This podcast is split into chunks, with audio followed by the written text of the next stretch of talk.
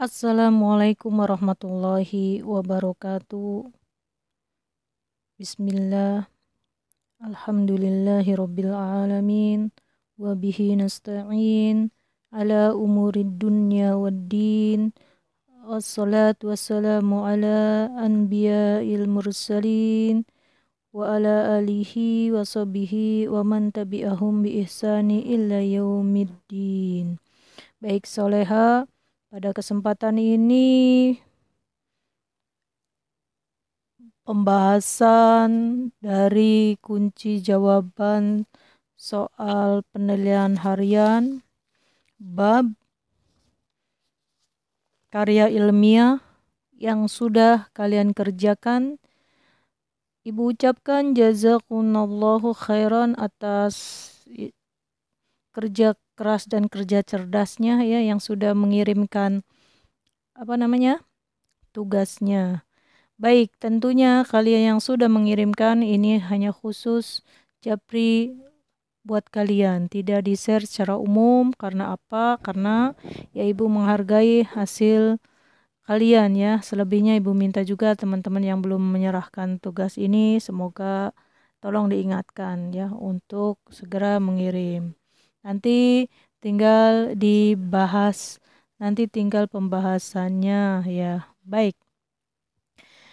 Masuk pada nomor satu ya. Bagian karya ilmiah yang diartikan sebagai prosedur atau tahapan-tahapan penelitian mulai dari persiapan, penentuan sumber data, pengolahan sampai dengan sampai dengan pelaporannya disebut tepat sekali. Metode penelitian yaitu ada jatuh pada C ya. Semoga kalian betul semua. Baik nomor itu udah jelas ya pembahasannya. Kalau udah baca materinya insya Allah udah tahu. Kemudian nomor dua. Nomor dua yaitu peserta topik. Nah ini tentang terkait dengan topik Topik peserta didik kurang tertarik pada kegiatan literasi. Maksud, rumusan masalah yang sesuai dengan topik tersebut adalah titik-titik. Nah, dicari rumusannya ya. Langsung untuk mempersingkat waktu, rumusan masalahnya jatuh pada D. Mengapa peserta didik kurang tertarik pada kegiatan literasi? Ya, pembahasannya yaitu rumusan masalah berisi pertanyaan. Ingat, kuncinya pertanyaan pada rumusan masalah. Nah, kalau kalimat pertanyaan berarti diakhiri dengan tanda tanda tanya. Ya. Rumusan masalah cirinya singkat, jelas, dan sesuai dengan topik masalah penelitian. Nah, rumusan masalah tidak boleh keluar dari topik yang diteliti atau dibahas rumusan masalah tepat terdapat pada pilihan D. Ya, sementara A, B, C, dan E tidak sesuai dengan topik ya. Meskipun ada tanda tanyanya, meskipun kalimatnya sama, kalimat pertanyaan, tapi tidak sesuai dengan topik topiknya yaitu peserta didik kurang tertarik pada kegiatan literasi. Jadi kalau ditarik rumusan masalahnya yaitu mengapa peserta didik kurang tertarik pada kegiatan literasi. Ya, berikutnya soal nomor 3 sampai dengan 5 dengan teks yang sama ya. Baik, langsung untuk mempersingkat waktu kita lihat pertanyaan dulu di nomor 3. Teks tersebut berupa bagian karya ilmiah yang terdapat di titik-titik. Di mana terdapatnya? Coba perhatikan. Apakah di kata pengantar atau di pendahuluan atau juga di pembahasan atau di simpulan atau bahkan di saran. Dan yang tepat adanya di C, pembahasan. Ya, kenapa di C? Karena teks ilmiah tersebut yaitu merupakan penggal penggalan bagian pembahasan. Bagian pembahasan memuat apa? memuat uraian hasil kajian penulis berdasarkan rumusan masalah yang sudah ditentukan ya. Jadi ini pembahasan Oke. Baik, sementara pilihan A, B, D, dan E tidak sesuai dengan teks yang disajikan. Jadi, jawaban tepat terdapat pada pilihan jawaban Oke, untuk nomor 4 yaitu rumusan masalah yang tepat berdasarkan teks karya ilmiah tersebut adalah titik-titik. Ya, kita lihat. Rumusan masalah yang tepat berdasarkan teks karya ilmiah tersebut adalah B. Apa itu? Faktor-faktor apa saja yang mempengaruhi proses perkecambahan ya. Baik, kenapa? Topik teks tersebut dapat ditemukan pada kalimat utamanya. Nah, teks tersebut memaparkan faktor-faktor yang mempengaruhi proses perkecambahan. Nah, faktor yang mempengaruhi proses perkecambahan antara lain oksigen, suhu, dan cahaya. Jadi, rumusan masalah tepat sesuai teks tersebut terdapat pada pilihan jawaban B. Nomor 5, per pernyataan yang sesuai dengan teks karya ilmiah tersebut adalah mana nih di antara A, B, C, D, E ya ada satu yang benar. Yang benar adalah A. Perkecambahan memerlukan suhu yang tepat untuk aktivasi enzim.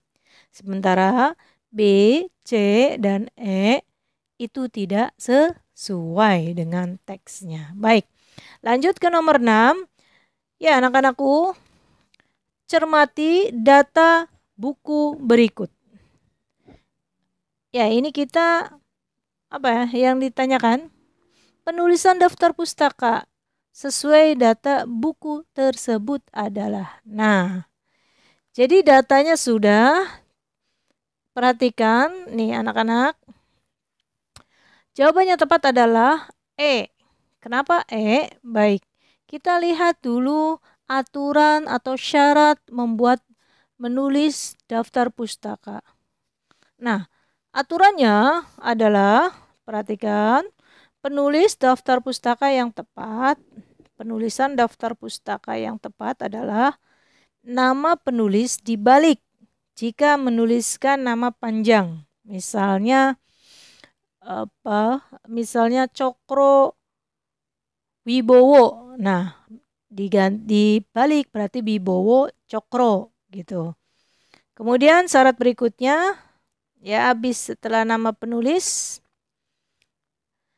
tapi perhatikan dulu sebelum pindah kalau tulisan itu dibikin atau dibuat buku itu bersama-sama maka tidak dibalik ya sebenarnya saja atau se seasli aslinya gitu nggak dibalik ya kemudian habis nama atau e, penulis atau penulis. Berikutnya syaratnya ada tahun terbit buku. Nah, urutannya ya, tahun terbit buku. Kemudian habis tahun terbit buku ini harus titik ya. Judul buku. Nah, judul buku ini harus ditulis miring. Kemudian titik juga habisnya. Berikutnya kota terbit. Nah, kota terbit titik dua ya kalau kota terbit titik titik berapa titik dua nah ya untuk kota terbit titik dua dan nama penerbit tanpa diikuti PT atau CV. Nah, kan suka ada tuh PT Gramedia. Tapi tidak usah di, diberikan PT-nya tapi langsung saja ke Gramedia atau uh, yang lainnya gitu. Ya, jadi sampai di sini paham insya Allah ya. Jadi jawaban yang tepat adalah E. Betul. Kemudian nomor 7 sampai dengan 9 dengan teks yang sama ya. Nomor 7-nya yang diminta adalah topik karya ilmiah tersebut adalah titik-titik. Nah, untuk mencari topik sebuah karya ilmiah atau sebuah paragraf, tentunya kita harus me, apa, mencari ide pokok ya. Nah, setelah ide pokok itu baru kelihatan ada topiknya di mana gitu kan, di itu yang ide pokoknya. Jadi terus kalau untuk mencari ide pokok juga tidak sembarangan. Ada ciri dan uh, teknik yang sudah Ibu berikan tentunya. Masih ingat ya di kelas 10 atau di kelas 11 ini Ibu mengulang bahwa cara mencari ide pokok adalah apa? Mencari kalimat utama. Nah, kalimat utama posisinya ada di awal atau akhir atau campuran. Nah, kalimat utama yang pada posisi, posisi awal itu mempunyai ciri-ciri iya, pengulangan kata yang sama dari kalimat ke pertama kita lihat di kalimat keduanya setelah itu ya. Jadi ada adakah repetisinya, yang diulang-ulang dari kalimat pertama, adakah e, kata tunjuknya, adakah kata ganti orang, adakah e, apa lagi tuh kak? Iya kata ganti, kata ganti orang ya. Terus selanjutnya kalau untuk e, yang di akhir itu biasanya ada simpulan ya. Simpulan ini diciri-cirikan dengan apa? Oleh karena itu, oleh sebab itu, jadi, dengan demikian, gitu kan? Ya, baik. Anak-anakku, kita lihat topik karya ilmiah tersebut adalah A. Betul, masalah akibat kenakalan remaja. Ya, itu ada di paragraf pertama ya, eh di uh, kalimat pertama. Baik, untuk nomor 8, tujuan karya ilmiah tersebut adalah apa tujuannya. Nah, setelah kalian membaca tentunya jawaban yang tepat adalah elang ya. Apa itu E isinya? Mengetahui dampak akibat kenakalan remaja. Nah, berdasarkan teks tersebut, maka tujuan dari penulisan karya ilmiah tersebut adalah mengetahui dampak akibat kenakalan remaja. Oke. Baik. Soleha, nomor 9. Kalimat saran sesuai teks karya ilmiah tersebut adalah titik-titik. Ingat, saran. Oke, baik. Jawaban yang tepat adalah B. Kenapa B? Informasi penting dalam teks karya ilmiah tersebut adalah masalah-masalah akibat kenakalan remaja. Saran yang diberikan harus sesuai dengan apa? Informasi yang disampaikan. Nah, saran yang tepat adalah memberikan sosialisasi kepada para kepada para remaja agar remaja memahami bahaya dan terhindar dari kenakalan kenakalan remaja. Ya, sementara saran pada Pilihan jawaban A, B, C, dan E tidak sesuai dengan isi karya ilmiah. Jadi saran yang tepat adalah B. Nomor 10. Perhatikan, banyak warga membuang sampah di sungai. Ba bencana banjir sering terjadi ketika musim hujan tiba.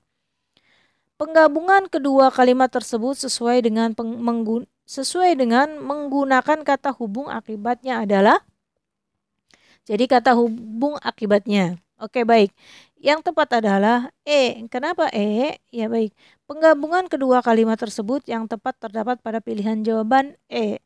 Kata hubung akibatnya merupakan kata hubung antar kalimat yang menyatakan hubungan kausatif. Nah, anak-anakku kausatif itu apa? Ya, kausatif itu sebab akibat ya. Nah, baik. Jadi Penggabungan kalimat pada pilihan jawaban A, B, C, dan E tentu tidak sesuai dengan penggunaan kata hubung akibatnya. Jadi yang tepat adalah E. Ya, nomor 10 itu elang. Kamu hebat. Baik, nomor 11. Nomor 11 ini penggabungan dari uh, teksnya sama dengan 11, 12, dan 13. Oke. Baik, kita lihat nomor 11 langsung ke pertanyaan. Teks tersebut berupa bagian teks karya ilmiah. Nah, teks tersebut berupa bagian teks karya ilmiah bagian apanya? Ini terkait dengan apa ya, Kak? Ya, betul, terkait dengan struktur ya. Baik, kita lihat. Jawaban yang tepat adalah A, latar belakang. Loh, kok kenapa latar belakang? Baik, teks karya ilmiah tersebut berisi latar belakang masalah yang akan diuraikan dalam karya ilmiah. Latar belakang tersebut berisi alasan adanya inovasi pengolahan makanan empek-empek brokoli. Nah, inovasi tersebut dilakukan karena banyak warga masyarakat tidak menyukai sayuran. Sebenarnya ini jelas sekali ya ketika latar belakang tersebut berisi ada yang berisi alasan adanya inovasi atau alasan alasan mau melakukan sesuatu atau apa gitu kan. Nah, itu juga termasuk latar belakang. Seperti kalian, alasan kalian uh, belajar ngaji atau belajar menghafal Al-Quran itu pasti ada alasan dan itu yang namanya latar latar belakang ya. Baik, nomor 12 pertanyaannya rumusan masalah sesuai dengan teks karya ilmiah tersebut adalah titik-titik. Langsung dijawab, jawabannya adalah D. Kenapa D? Apa itu isinya? Bagaimana proses pembuatan pek-pek brokoli? Ya, yang ditanyakan rumusan masalah, masih ingat ya anak-anakku bahwa masalah itu, rumusan masalah itu harus diakhiri dengan kata tanya. Artinya kalimatnya berupa pertanyaan. Baik, soleha. Untuk jawaban D. Kenapa sih D? Kenapa nggak yang lain? Ya, teks karya ilmiah tersebut berisi latar belakang inovasi pengolahan makanan yang dikombinasikan dengan sayuran. Olahan makanan tersebut adalah pempek brokoli. Rumusan masalah tepat berdasarkan latar belakang tersebut terdapat pada pilihan jawaban D. Nah, rumusan masalah pada pilihan jawaban A, B, C, dan E tentunya tidak sesuai dengan teks yang disajikan. Oke, untuk nomor 13, pernyataan yang sesuai dengan teks karya ilmiah tersebut adalah Nah, jika kita ingin mencari pernyataan yang tidak sesuai otomatis uh, harus baca teksnya benar-benar dan mencermatinya sehingga kita mudah untuk menjawabnya. Baik, langsung dijawab. Jawabannya yang tepat adalah E ya.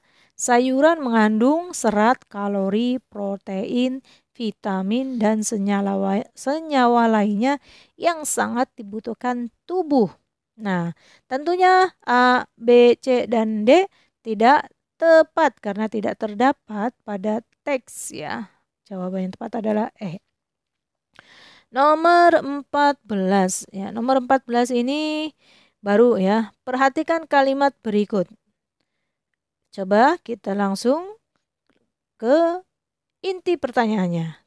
Kata penghubung yang tepat untuk melengkapi kalimat tersebut adalah oh, kita dica dituntut mencari kata penghubung. Baik, tentunya jawaban yang tepat adalah E. Kenapa E? Karena kata penghubung yang tepat untuk menggabungkan kedua kalimat adalah apa? Oleh karena itu. Ya. Nah, kedua kalimat tersebut jika digabungkan menjadi pemahaman menjadi begini. Pemahaman petani tentang pertanian organik sangat bervariasi, padahal standar mengenai pertanian organis, organik telah ada. Oleh karena itu, perlu adanya kesepahaman tentang pertanian organik sehingga tidak merugikan konsumen. Nah, oke okay ya. Apa yang ingin Kak? Oleh karena itu, simpulan berarti ya. Ya. Apa itu? Jadi kalau ininya, paragrafnya. Iya, paragraf uh, kalimat utamanya dia di belakang ya, ada di akhir. Jadi jawaban yang tepat adalah tujuan uh, jadi jawaban yang tepat adalah maaf E ya. E ya. Kata penghubung yang tepat adalah E. Untuk nomor 15 dan 16, lihat teksnya sama dengan 15 16 jadi satu teks untuk dua soal. Nomor 15 pertanyaannya, teks karya ilmiah tersebut merupakan bagian ya. Jadi kalian pelajari bagian-bagian teks karya ilmiah ya. Apa yang betul? Yang betul adalah D simpulan. Nah, baik. Kenapa? Teks karya ilmiah tersebut berisi hasil simpulan pembahasan pada penelitian yang dilakukan sebelumnya. Jadi, teks tersebut merupakan bagian simpulan. Sementara itu, pilihan jawaban A, B, C, dan E tidak sesuai dengan teks yang, dijaji, yang disajikan. Ya, ini adalah bagian kesimpulan. Coba dari simpulan ya. Coba perhatikan, kalian dengarkan. Kalau bisa kalian baca baca bukunya. Berdasarkan penelitian tersebut, hama yang menyerang tanaman padi Bapak Sujarwo di desa Pandanrejo, Kecamatan Wangir, antara lain orong-orong, walang sangit, ulat, gerayak, dan wereng coklat. Bapak Sujarwo menanggulangi hama orong-orong dan walang sangit menggunakan akocitrin, ya, akocitrin ya. Selain itu, Bapak Sujarwo menggunakan akositrin dan apa? Kalikron ya untuk menanggulangi huma, hama, ulat gerayak dan wereng coklat. Sementara itu, penyakit yang menyerang tanaman padi Bapak Sujarwo adalah penyakit blas dan bercak coklat. Kedua penyakit tersebut ditanggulangi menggunakan fungsida berupa mankozeb. Oke. Jadi berdasarkan penelitian itu udah ting ting udah warning itu. Oh, ini simpulan masuknya ya. Nomor 16, pertanyaannya, tujuan penulisan karya ilmiah berdasarkan teks tersebut adalah tujuannya apa? Oke, perhatikan tujuannya. Yang tepat adalah A yaitu mengetahui hama dan penyakit menyerang tanaman bapak padi Bapak Sujarwo di Desa Pandanrejo, Kecamatan Wangir, beserta penanggulangannya ya. Jadi jawaban yang tepat adalah A. Kenapa? Karena teks karya ilmiah tersebut berisi hama dan penyakit yang menyerang tanaman padi milik Bapak Sujarwo di Desa Pandanrejo, Kecamatan Wangir. Nah, selain itu, teks karya ilmiah tersebut membahas penanggulangan hama dan penyakit tanaman pada ter padi tersebut. Jadi, tujuan karya ilmiah te tepat terdapat pada pilihan A. Ya, untuk nomor 17 dan 18 teks yang sama ya. Uh, satu teks, dua soal. Pertanyaan langsung ke nomor 17.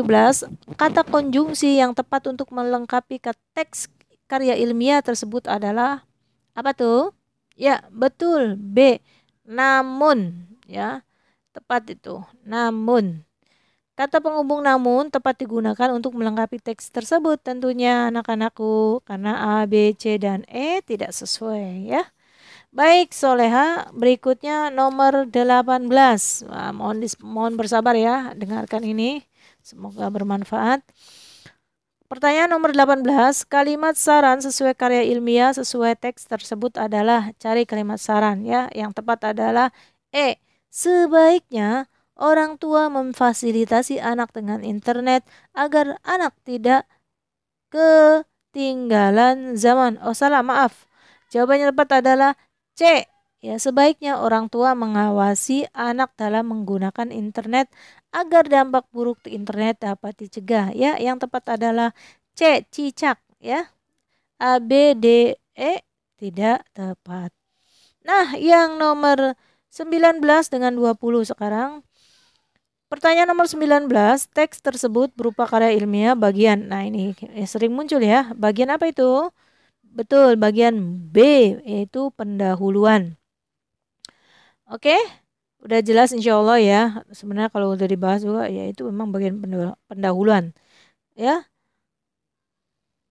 Kenapa? Yang berisi karena berisi latar belakang ya penulisan karya ilmiah jantung merupakan nah itu udah kalau udah kayak gitu tuh udah apa namanya tuh kalimat definisi juga ya jawaban yang tepat adalah B ya. Ini semacam latar belakang. Kemudian terakhir yang nomor 20 rumusan masalah berdasarkan teks tersebut adalah oke okay, baik. Yang tepat adalah D, bagaimana cara menjaga kesehatan jantung ya, itu yang cocok. Baik Soleha, ya untuk pilihan ganda dari uh, penilaian harian bab karya ilmiah uh, itu cukup sekian ya. Nanti kalian bisa dibetulkan yang salahnya. Silakan dicocokkan dengan jawaban ibu. Barakallahu fikum semuanya. Semoga kalian semua dalam keadaan sehat walafiat dan kita semua ya.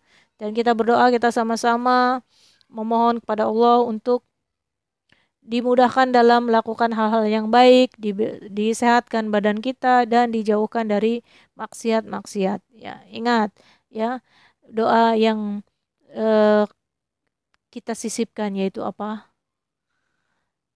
Ya Allah, jadikanlah hati ini mencintai apa-apa yang Allah cintai dan membenci apa-apa yang engkau benci ya Allah. Amin ya robbal alamin. Barakallahu fikum soleha. Ya, wassalamualaikum warahmatullahi wabarakatuh.